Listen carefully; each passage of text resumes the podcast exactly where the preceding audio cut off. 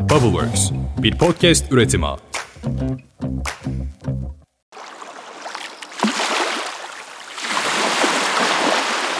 Günaydın. Bugün 19 Nisan 2023. Ben Özlem Gürses. Bubbleworks Media ve Pushholder ile birlikte hazırladığımız 5 dakikada dünya gündemine hepiniz hoş geldiniz. Söylemesi ayıp Bodrum'dayım. Gerçi iş için geldim ama denizin bu güzel sesi bile yetiyor insana. Ne yorulduk yahu. Herkes şu seçim bir bitse kafasında. 27 gün kaldı. Hadi başlayalım. Malumunuz bir soğandır gidiyor. Kemal Kılıçdaroğlu aldı eline soğanı mutfakta bir video çekti. İşte dedi bu soğan kilosu 30 TL. Arkasından soğan meselesi koptu devam ediyor. Cumhurbaşkanı Erdoğan 27 günde 40 miting ve onlarca açılış yapmak için şehir şehir dolaşıyor kampanyasında. Eskişehir mitinginde önce meydanda açılan bir pankartı okudu yüksek sesle. Bak ne diyor bak. Aşıksan vur saza, togun varsa bas gaza. Ardından da çektiği bu soğan videosuyla gündeme oturan Kemal Kılıçdaroğlu'na seslendi. İşte şimdi çıkmış Bay Bay Kemal ne diyor? Soğan da soğan, patates de patates. Ya Bay Bay Kemal sen şöyle soğanı masanın üzerine koyar, ondan sonra şöyle yumruğunla vurur, onun lezzetini alabilir misin ya? Cumhurbaşkanı Tayyip Erdoğan soğan meselesine kızıyor ama kendisine bir kötü haberim daha var. Dünyada en pahalı et Türkiye'de. Tüm Süt, Et ve Damızlık Sığır Yetiştiricileri Derneği TÜSEDAT Başkanı kendisi de bir üretici olan Sencer Solakoğlu kırmızı et fiyatlarındaki artışın 2 yıl daha sürebileceğini söyledi. Bence bu korkunç bir şey. Ama tabii bir sebebi var. Solakoğlu anlatıyor. Avrupa'da bir dananın fiyatı Türkiye'de yarım dana bile etmiyor. Bunun sebebi de plansızlık diyor Solakoğlu. Dünyada en pahalı et şu an Türkiye'de ve Türk halkının bunu bugün ödüyor olmasının tek sebebi Hazine ve Maliye Bakanlığı'nın zamanında üreticinin uyarılarına rağmen ve maliyetlerin artmasının karşısında çiftçinin zor durumda kalmasına rağmen et fiyatını sabit tutmak suretiyle üretimi azaltmasıdır diye açıklıyor. Yani ez cümle dünyada en pahalı et Türkiye'de. Tam da bu nedenle zannediyorum tarım kredi kooperatifleri marketlerinde bir ay daha sabit fiyatlama kararı verildi. Düzenlenen kampanyayla marketlerde satışı devam eden pirinç, nohut, fasulye, mercimek, ayçiçek yağı, salça, zeytin, çay, şeker ve et ve süt kurumuna ait et ürünleri gibi temel gıda ürünleri ve deterjan gibi, sabun çeşitleri gibi, peçete ve kağıt havlu gibi temizlik ürünlerini içeren 900 üründe indirim bir ay daha devam edecek. Sizin anlayacağınız demek ki gerçekten de aslında gıdada, mutfakta sıkıntı büyük.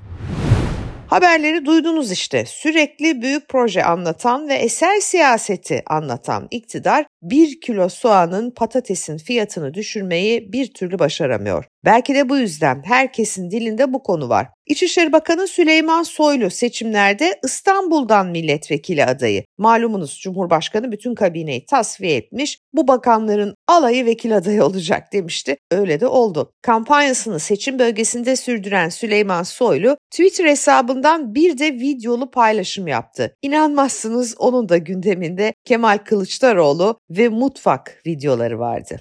Allah'ın izniyle biz bu seçimi kazanacağız milletimizin desteğiyle. Kemal Ödebay'ı diyeceğiz. Ondan sonra ondan sonra Kemal Bey otursun mutfağa. Yalanla sanki ömrü mutfakta geçmiş bu. TikTok çeksin TikTok.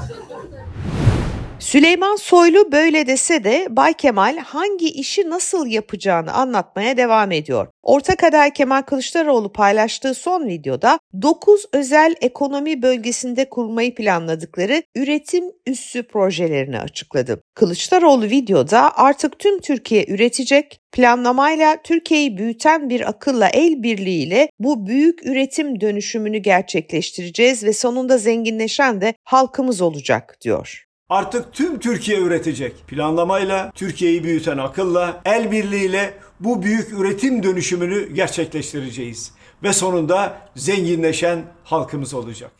Evet Kemal Kılıçdaroğlu bu videoları çekiyor, kampanya filmleri yapıyor ama bunların hiçbirinin küçük bir grup medya dışında ana akım medya ekranlarının hiçbirinde TRT'de dahil asla yayınlanmadığını bir kez daha hatırlatalım. Bu arada Sayın Cumhurbaşkanı ortak yayınlarda bütün kanalları dolaşıyor. O kanalların hiçbirinde Kemal Kılıçdaroğlu ya da Millet İttifakı'nı oluşturan siyasi partilerin genel başkanları bir dakika bile ne haber oluyor ne de konuk olarak o stüdyolarda bulunabiliyor.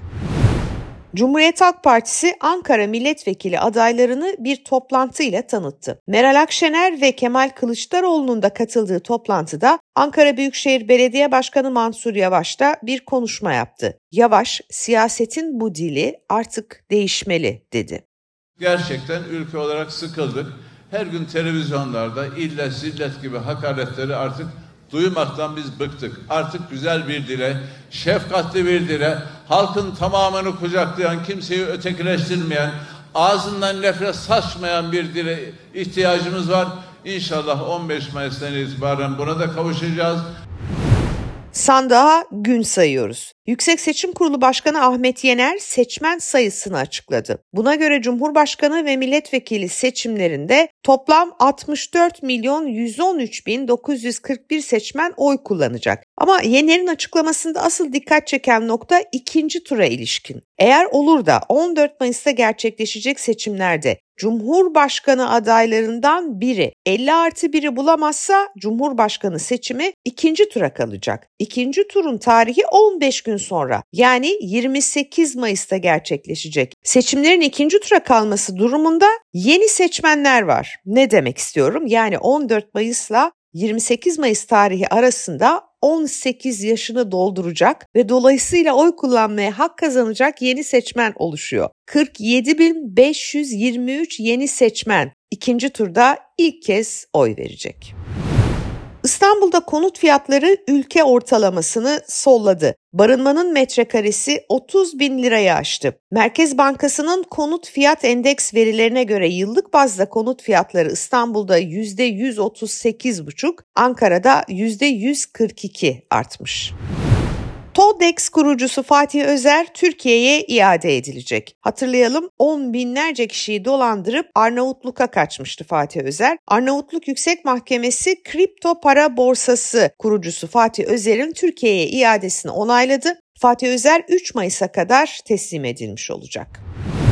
Amerikan Dışişleri Bakanlığı F-16 savaş uçaklarının iletişim sistemi olan Link 16 taktik veri bağlantı ağının modernizasyon kitlerinin satışına yönelik kararını resmi olarak Amerikan Kongresi'ne iletti. Türkiye uzun zamandır F-16 almaya çalışıyor biliyorsunuz Amerika Birleşik Devletleri'nden. Kongre bir türlü onay vermiyor bu satışa ama F-16'ların bu kitlerine onay geldi. Şimdi gözler artık Washington'da. Bakalım kongreden son karar nasıl çıkacak? Bu arada İngiliz haber ajansı Reuters'a konuşmuş bazı kaynaklar ve demişler ki şimdi artık Amerika bir sonraki aşamaya geçmeye hazır ama NATO üyesi Türkiye'nin milyarlarca dolara F-16 satın almasını içeren daha büyük bir anlaşma halen beklemede ve kongrede bu satışa karşı muhalefet devam ediyor bilgisini vermişler.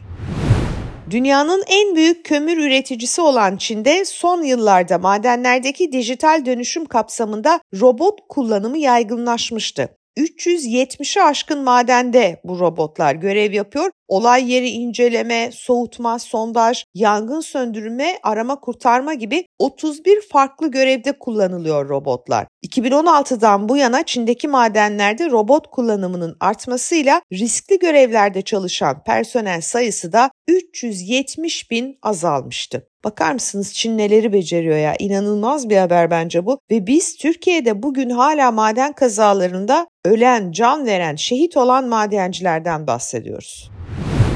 10 Haziran'da Atatürk Olimpiyat Stadında oynanması planlanan Şampiyonlar Ligi finali İstanbul'dan alınabilirmiş. Haberin kaynağı İngiliz basını 14 Mayıs'ta yapılacak Cumhurbaşkanlığı seçimleri öncesi Türkiye'de huzursuz bir ortam olduğunu ve seçimleri kim kazanırsa kazansın bu ortamın devam edebileceğini yazmışlar. Bunun sonucu olarak da UEFA'nın finalin adresini değiştirebileceğini ileri sürüyorlar. Mümkün mü? Mümkün çünkü UEFA daha önce de Şampiyonlar Ligi finalini iki kez İstanbul'dan almıştı. Evet bugünün gündemi böyle. Şimdi ben şöyle bir çıkayım. Siz sabah yürüyüşünüzü tamamladınız. işe, okula falan gitmek için yollardasınız belki de ya da mutfakta küçük bir kahvaltı hazırlıyorsunuz. Ben de gideyim deniz kenarında şöyle ay ben Bodrum'da en çok ama en çok bu şarkıyı severdim. Eski Türkiye'nin en güzel hatıralarından biri. Beraber söyleyelim mi? Yarın görüşmek üzere. Hoşçakalın. Atın beni denizlere Yalan